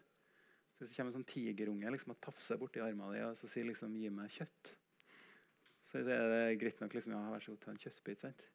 Men så vokser tigeren etter hvert. at det kommer en liksom, og, og Da blir det ikke så lett å si 'nei, jeg har ikke noe kjøtt'. Nei. Eh, så det her er litt sånn Det å unngå å unngå for mye Mm. Det, det er noe med denne middelveien. Hvis, man, hvis, man skal, hvis man gjør alt man kan for å unngå smerte, så kan man risikere å unngå livet. Mm. Eh, og, og en sånn, vi snakker, skal snakke litt om behandling av smerte, kanskje. Og da er det en, eh, to gylne regler som jeg har tenkt å kunne ta fram. Og så kan vi snakke detaljert. Men den ene gylne regelen hvordan behandle smerte, jo, det kommer man på. Legen sin. Hæ? Jo, men, ja, men. Ja. Forskjellen på akutt smerte sant? Hvis du på et vis har brekt foten, ganske forskjellig fra når den foten er grodd, men kanskje du har smerter likevel etter ti år. Uten at eh, det er noen fysisk påvist som man kan si nå er akutt vevskade nå. Så Det er en ting vi kommer på. Den andre gylne regelen da, eh, det er ikke sett deg mål som en død person kan gjøre bedre enn deg. Mm. Som ligger stille. Det kan en død person gjøre bedre. Ligg stille og ikke kjenne på noen ting. Nei. Ikke ha vondt, f.eks. Ja. Aldri ha vondt. Ja. Det kan en død person gjøre bedre enn deg. Ja. Det gjelder egentlig for ganske mange ting her i livet. at det er veldig mange ting som er lurt. Altså veldig ofte lurt å ikke ha mål som en død person kan gjøre bedre enn deg. Lukt dårlig. Det kan en død person gjøre eh, Bedre. bedre enn deg. Ja. Ja, Den det har bare ikke du hørt før. Nei, Nei. Så jeg det er sitter og tenker. Nei, ikke lukt dårlig. Ikke det, det, dusj. du, dusj. Men Men eh, det, Vi skal si mer om å behandle smerte. Men, eh, men du var kanskje var kanskje ikke helt svar på spørsmålet ditt. Men bare for, hvis vi skal ha det helt konkret, da. Ja. Ehm, så, så tenk deg sjøl at det du, du må gå ut i Trondheimsfjorden i dag, da. Det er kaldt. Hvordan vil du helst gå ut i Trondheimsfjorden? Liksom? Det, det, det første steget er å prøve å ikke unngå det. Altså, hvis du først må det, så må du gå der. Og de fleste av oss har jo lært seg det at hvis du bare går sånn liksom, Du må heller puste. er vesentlig. Så det er en av de tingene, sånn, teknikkene som, som i hvert fall kan virke på når du har kortvarig smerte, er jo å, å, å, å gå inn i smerten mens du puster inn og ut. Det er sånn enkle teknikker. Men det vil være mer sånn under distraksjonskategorien. Bare så det er sagt. Men det bare viser hvordan eh, for hvis du tenker sånn at for det, i hvert fall Smerte det kommer jo veldig ofte i bølger. Akkurat som med angst, for så vidt. Slik at Det å så på en måte bare legge merke til en bølge, at det, jo, du har vondt nå, men det vil gå ned etter hvert. Det å bruke pusten og, pust, og kjenne på smerten når du puster inn, og, og smerte på at når han går ut. Sånne ting finnes jo. Jeg tror det er fødsel du snakker om nå. Ja. Ja, men det, det, er ikke tilfeldig at man trener på det ved fødsel. da, Nei, sånn. nei. Uh, men, men da er vi på teknikker, sånn quick fix, som jeg vil tenke er mer distraksjon. Men klart at hvis du for eksempel, nå kommer hjem, da, og så skal du klippe plen, og så kjører du over tåa di, og den, på en måte, du må plukke opp tåa og på en måte sette deg i en bil og kjøre, da vil jeg anbefale sånne teknikker. da, for å si sånn. For da vil det være lettere å holde ut frem til du kommer til legevakta da, for å sydd på denne tåa. der. Men da snakker du om akuttsmerte. Så jeg, Ja. jeg hadde et, eh, et eh, eksempel ved frokostbordet i morges sammen med min kjære. Som hun sa det der må du ikke snakke om. Nei. Skal jeg, skal jeg snakke om det? Ja, og hun er her i kveld. Hun har fått applaus. Vil, vil du at hun skal reise seg opp? Nei, hun må slutte. Men, eh, ok. Men dere kan jo få lov å velge da, om det som hun sier. Nei, det må ikke si noe om. Skal jeg si noe om det? Altså, Selvfølgelig skal han ser du, jeg fikk lov. Fordi det du snakka om, var jo det å gå ut i Trondheimsfjorden. Mm. Og det var liksom sånn en ting som du gjør sånn nå i dag. liksom. Ja. Litt sånn akutt smertegreie. Og det kan du håndtere med distraksjon. Mm.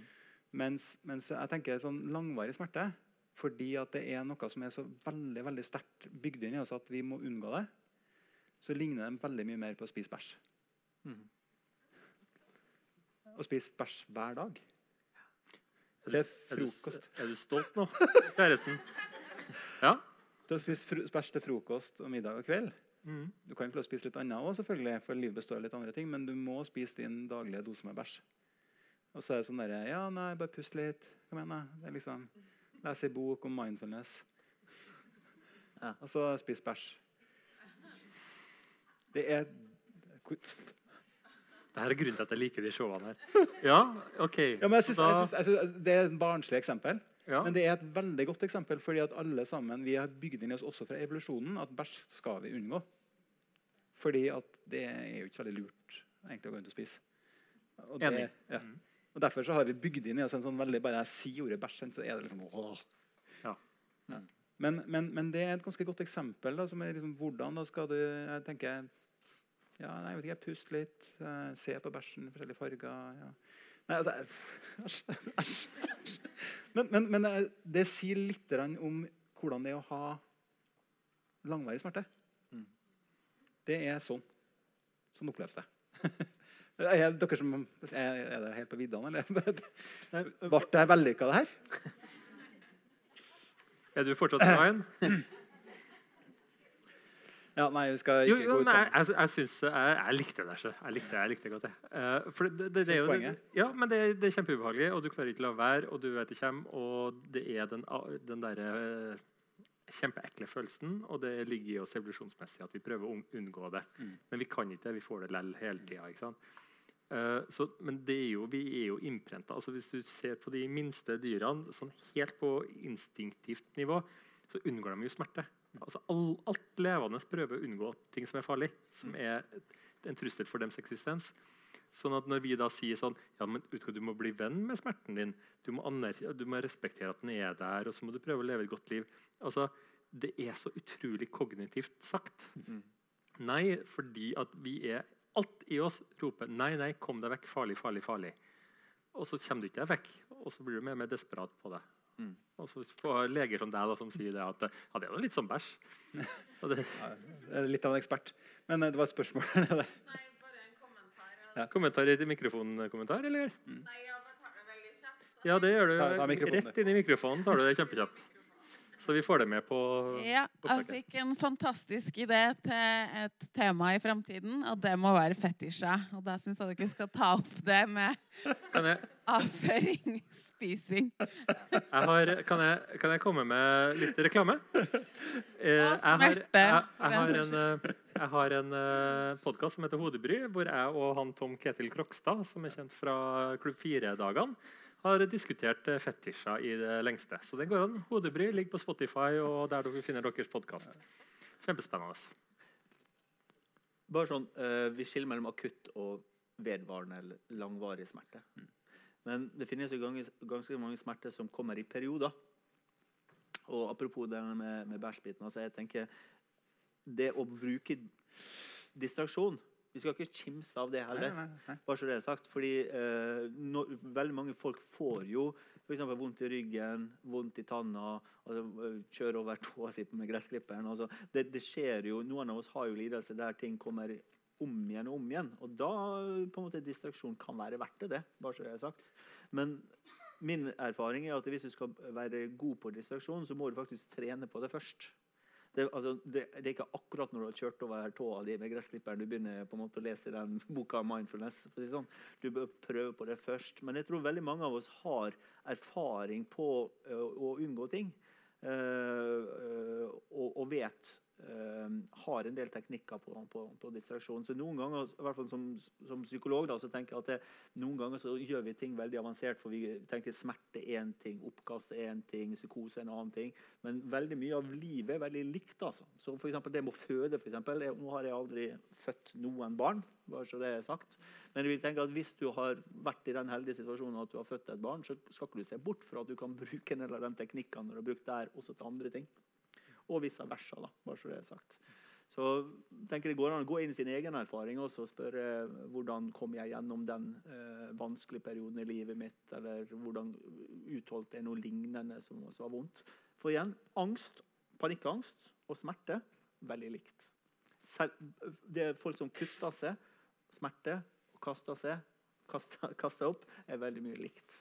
Så jeg tenker det går an å bruke tidligere erfaringer på å løse ett problem, og se om du kan bruke samme teknikken igjen. Det er en av de tingene som jeg ser med, når jeg jobber med folk med selvskading. De, veldig mange av dem har jo hatt spiseproblem først. Og da spør jeg, har du hatt spiseproblem først. Ja, jeg brukte å kaste opp litt. Så bra. Da kan du bruke de samme triksa der nå når du holder på med kutting. Så det uh, OK.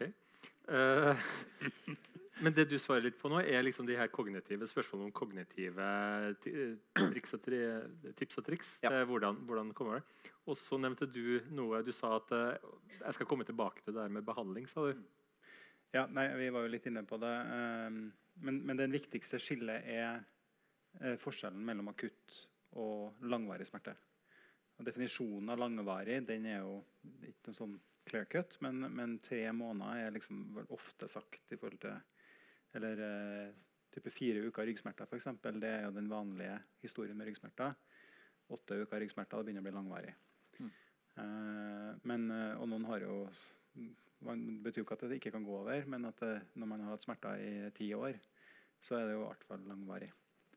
Eh, og da er det sånn at det som er lurt å gjøre når du har en akutt smerte eh, Hvis du har kutta deg, så har du en vevskade som det er lurt å gjøre noe med. Hvis du har brekt et bein, så kan det være lurt å gjøre noe med det. Også, og det kan være lurt å unngå smerte, det som gjør mer vondt. Og så er det dessverre sånn da, at når du har gått over en langvarig smerte, så kjennes det jo like smertefullt ut. Men det er ikke sånn at det er lurt å gjøre de samme tingene lenger. Fordi at det kan gjøre at man da blir passiv. altså Man har vondt i ryggen, man slutter å trene, man slutter å, kanskje man er redd for til og med å trene. Eh, man slutter å eh, som du sier, gå ut med andre folk fordi at jeg sitter så rart på stolen. Eh, spiser ikke lunsj sammen med kollegaene fordi at jeg, jeg klarer ikke å sitte, jeg må stå. Det, det er faktisk reelle eksempler jeg snakker om nå. Ikke altså folk som har om det. Eh, og det medfører ganske mye ekstra. Så jeg tenker at Når du kommer i den fasen med langvarig smerte, så er hovedutfordringa det er å ikke gjøre det verre. Litt sånn som eh, et langvarig ekteskap. Ok. Ja, bra. Det, det likte jeg. Ja. Ikke gjør det verre. Nei. Ikke gjør det verre. Så, så tar jeg tar ut av det. Det er jo ja, Vi skal ikke gå inn i den. Men, eh, men, men ellers så finnes det jo sånn som her har vi jo skrevet ei bok som både meg og Sven har bidratt på. Vi får ikke noe fortjeneste fra den, så derfor så kan jeg reklamere for den. Det er en eh, Egil Fors som har jobba på Smertesenteret, så professor eh, i allmennmedisin, som har skrevet, eller samla. Så her står det om psykologiske, eller smertepsykologi. Den. Den er skrevet litt for sånn helsepersonell, litt for, litt sånn for allmennheten. Her står det jo en del om de tingene som er psykologiske behandlingsmåter. altså Hvordan man kan sjøl jobbe med, eller lære seg å jobbe med ting. Dette er jo retta mer sånn beskrive de ulike måtene. Så En av de her er jo mindfulness-basert uh, tilnærminger, som har ganske mye evidens faktisk etter hvert. Altså Evidens betyr jo at det er forska på og viser effekt. Um, men Det betyr ikke at smerten blir borte, men det betyr at folk kan ha bedre liv med å finne en måte å romme det på. Da. Så det er jo den psykologiske biten. Det fins det jo mye på. Og så er jo smerte mer sånn eh, medikamenter. Der har vi jo hatt fram den her. Eh, de er jo reseptfri. Det er jo også Ibux og tilsvarende. I Ibux-gata finnes det mange. da. Eh, noen reseptfrie og noen på resept. Som virker såkalt betennelsesdempende. Um, en del av her, her har vel kanskje vist seg å ha mindre effekt enn man skulle håpe og tro, spesielt på langvarig smerte. Virker bra på akutt smerte, ikke så bra på langvarig smerte. Og så har du jo eh, dop, eller opioider. Um, og det har man jo et kjempestort problem med i USA, annet, i en del områder. Eh, rett og slett at det har vært veldig sånn, løssluppen forskriving av eh, morfin. Eh, og det er en dårlig løsning. Folk får, får dårligere livskvalitet, man blir forstoppa. Okay. og, så får man, eh, og så får man ikke eh, igjen Det reduserer på et vis den emosjonelle biten av smerte. Eh, men man blir jo avhengig av det.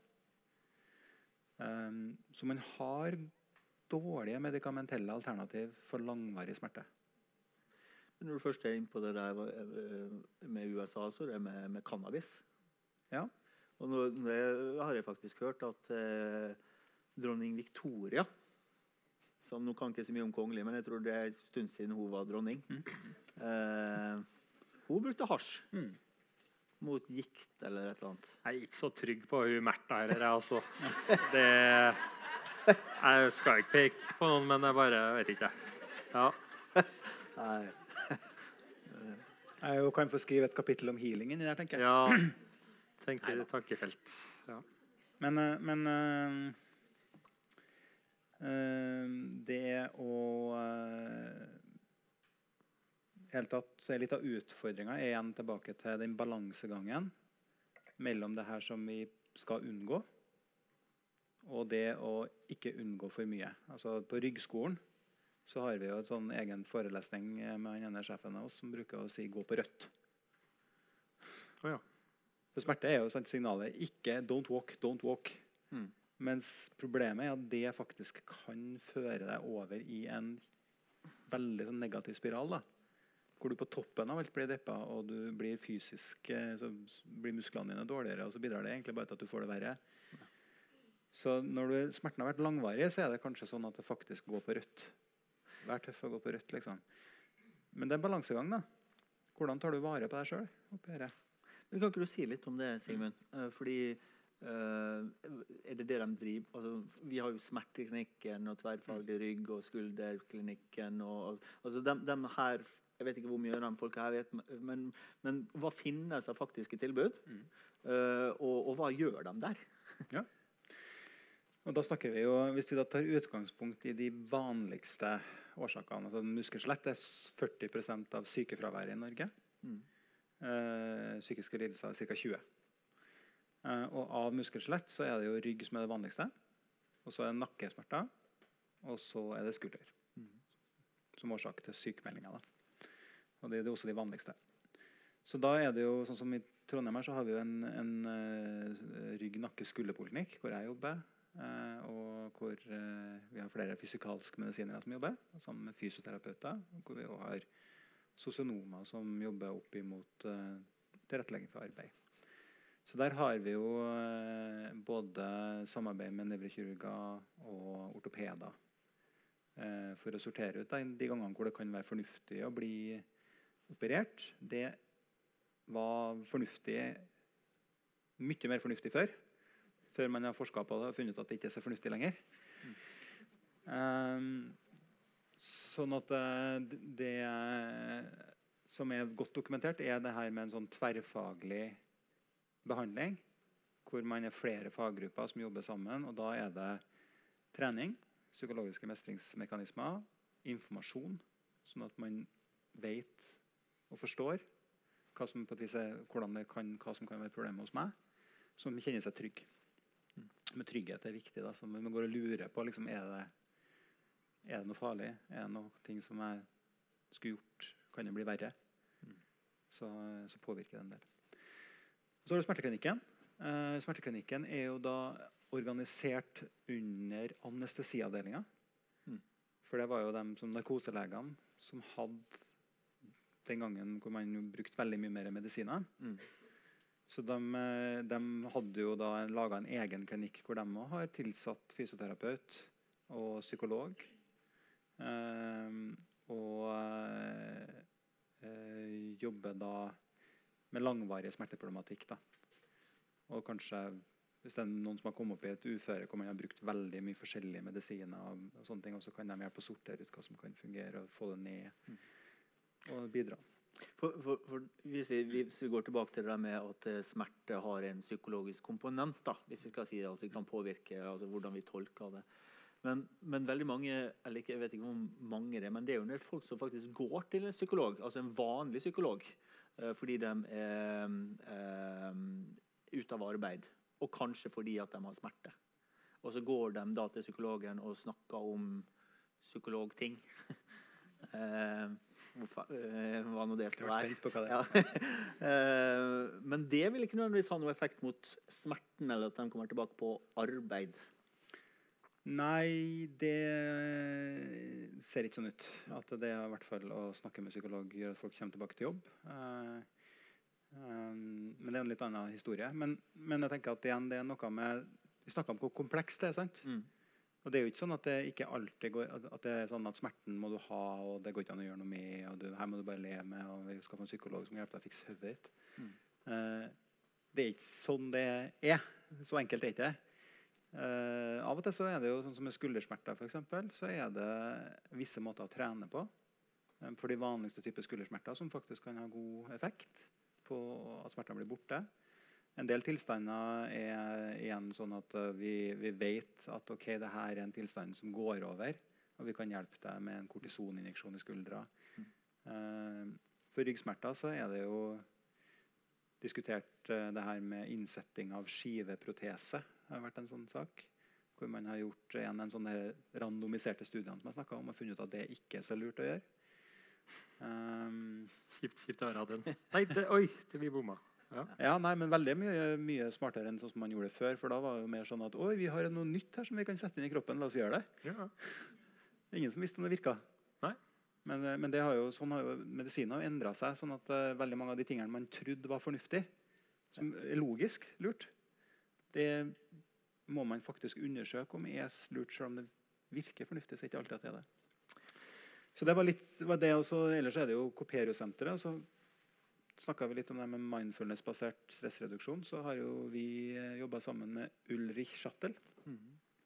Som er vel den eneste i uh, Norge som er sertifisert i den metoden fra de som fant opp det i USA.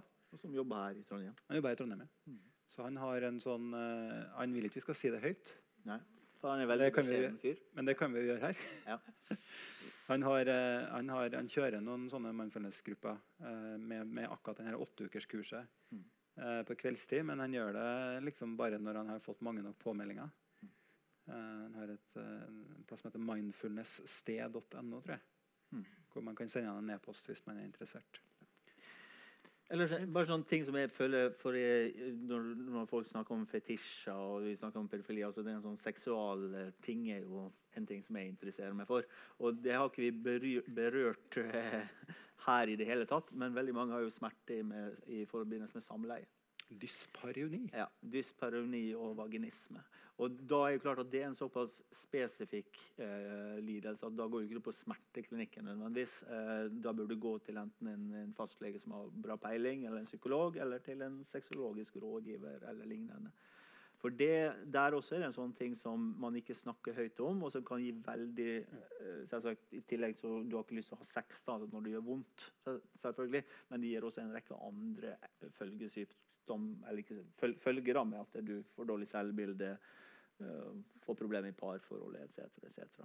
Så det er nesten et eget stort tema, bare så det er sagt. da. Men jeg vil bare nevne det her, fordi eh, det, det er et tema som man ikke finner så mye informasjon om.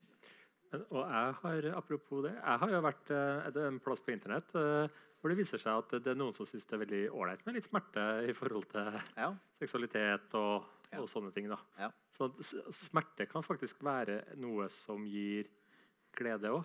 ja. Så, så lenge du har kontroll over det. Fint. Vi må passe litt tida òg. Eh, sånn avslutningsvis så lurer jeg på en ting, og det var et spørsmål jeg fikk inn nå. Du er jo litt sånn eh, rød i, i, i toppen. Hvordan er det sant, det der med rødhåra i forhold til smerte?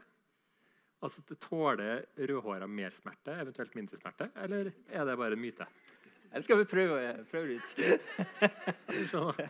Vet du, det, det der måtte jeg, ble jeg faktisk spurt om når jeg var helt sånn purung doktor på ryggpoliklinikken. Så da eh, måtte jeg på et tidspunkt prøve å lete opp noe litteratur på det. Forskningslitteratur. Og det, og det viser seg det at det er noen sammenhenger der både med immunsystem og med smerte som er linka til det her genet for et år. hår. For, Men, eh, ja. men det, det er litt sånn Det er ikke et veldig veldig sånn utforska, ferdigforska område riktig ennå. Det er ikke så mange som har gjort det. Nei. Men det fins noen artikler på det. Jeg har, jeg har eh, jeg leste en plass at det er at de eh, som er naturlig rødhåra, har en høyere toleranse for å spise chili. Mhm. Og de blir mindre påvirka Ja. av det. Og det er jo smerte, på en måte. Nå, apropos, nå har jeg akkurat vært i Bangladesh. Og der eh, var massevis av folk som gikk rundt med rødt skjegg og rødt hår i Bangladesh. Og det, det syntes jeg var veldig rart. Men de, enkelte muslimer har noe som heter for søynatt søynat eller surnat, eller et eller annet sånt, der de da tenker at det er smart å kopiere profeten. Og han hadde visstnok rødt Ah. eh, skjegg. Så de går rundt da og farger eh, ting eh, hele tida. Altså når du sier naturlig rødt hår så vil, ja, De fleste har vel sånn som i Norge som har rødt hår, har vel rødt hår, vil noen tenke. da. Men eh, kanskje du kan da påvirke da smerten da med farge, da. Nei, det kan vi ikke. Uh, ja, nei. Uansett. Uh, da fikk vi noe, noe svar på det. Du kan få svaret. Vet ikke. Svaret var 'husker ikke'. Husker ikke. Svaret, svaret var 'finner it sjæl'. Eh, tida går, og vi må begynne å gå inn mot landing. Hvordan har det vært? Det har det vært ålreit? Det var veldig mange som ikke hadde vært her før. Kommer dere tilbake? Sånn norsk høflig. Ja, ja. Jeg lover det, altså. Men kan hende at ungene må hentes. Det, det kan bli vanskelig. Um, det er, som vi nevnte tidligere, det er en podkast som heter 'Når ulven svarer', som er en sånn hvor du får masse sånn småsnutter. Uh, de spørsmålene som vi ikke fikk svart ut, skal jeg sende til en, eh, Sven. Så kan jo du se om du har lyst til å svare ut de. Eh, hele det showet som dere har eh, vært borti, eller vært borti, eh, som dere har bevitnet i dag, finner dere på Litteraturhuset sine sider. Det er siste showet før sommeren. Vi har gjort en avtale med Litteraturhuset om nye datoer til høsten. Ennå ikke bestemt temaer. Og der er vi påvirkelige.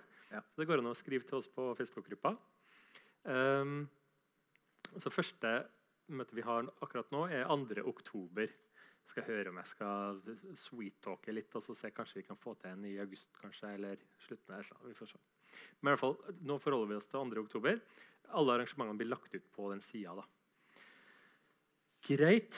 Er det noe som er vi har glemt? Er det, er det noen som har lyst til å ha siste punchline?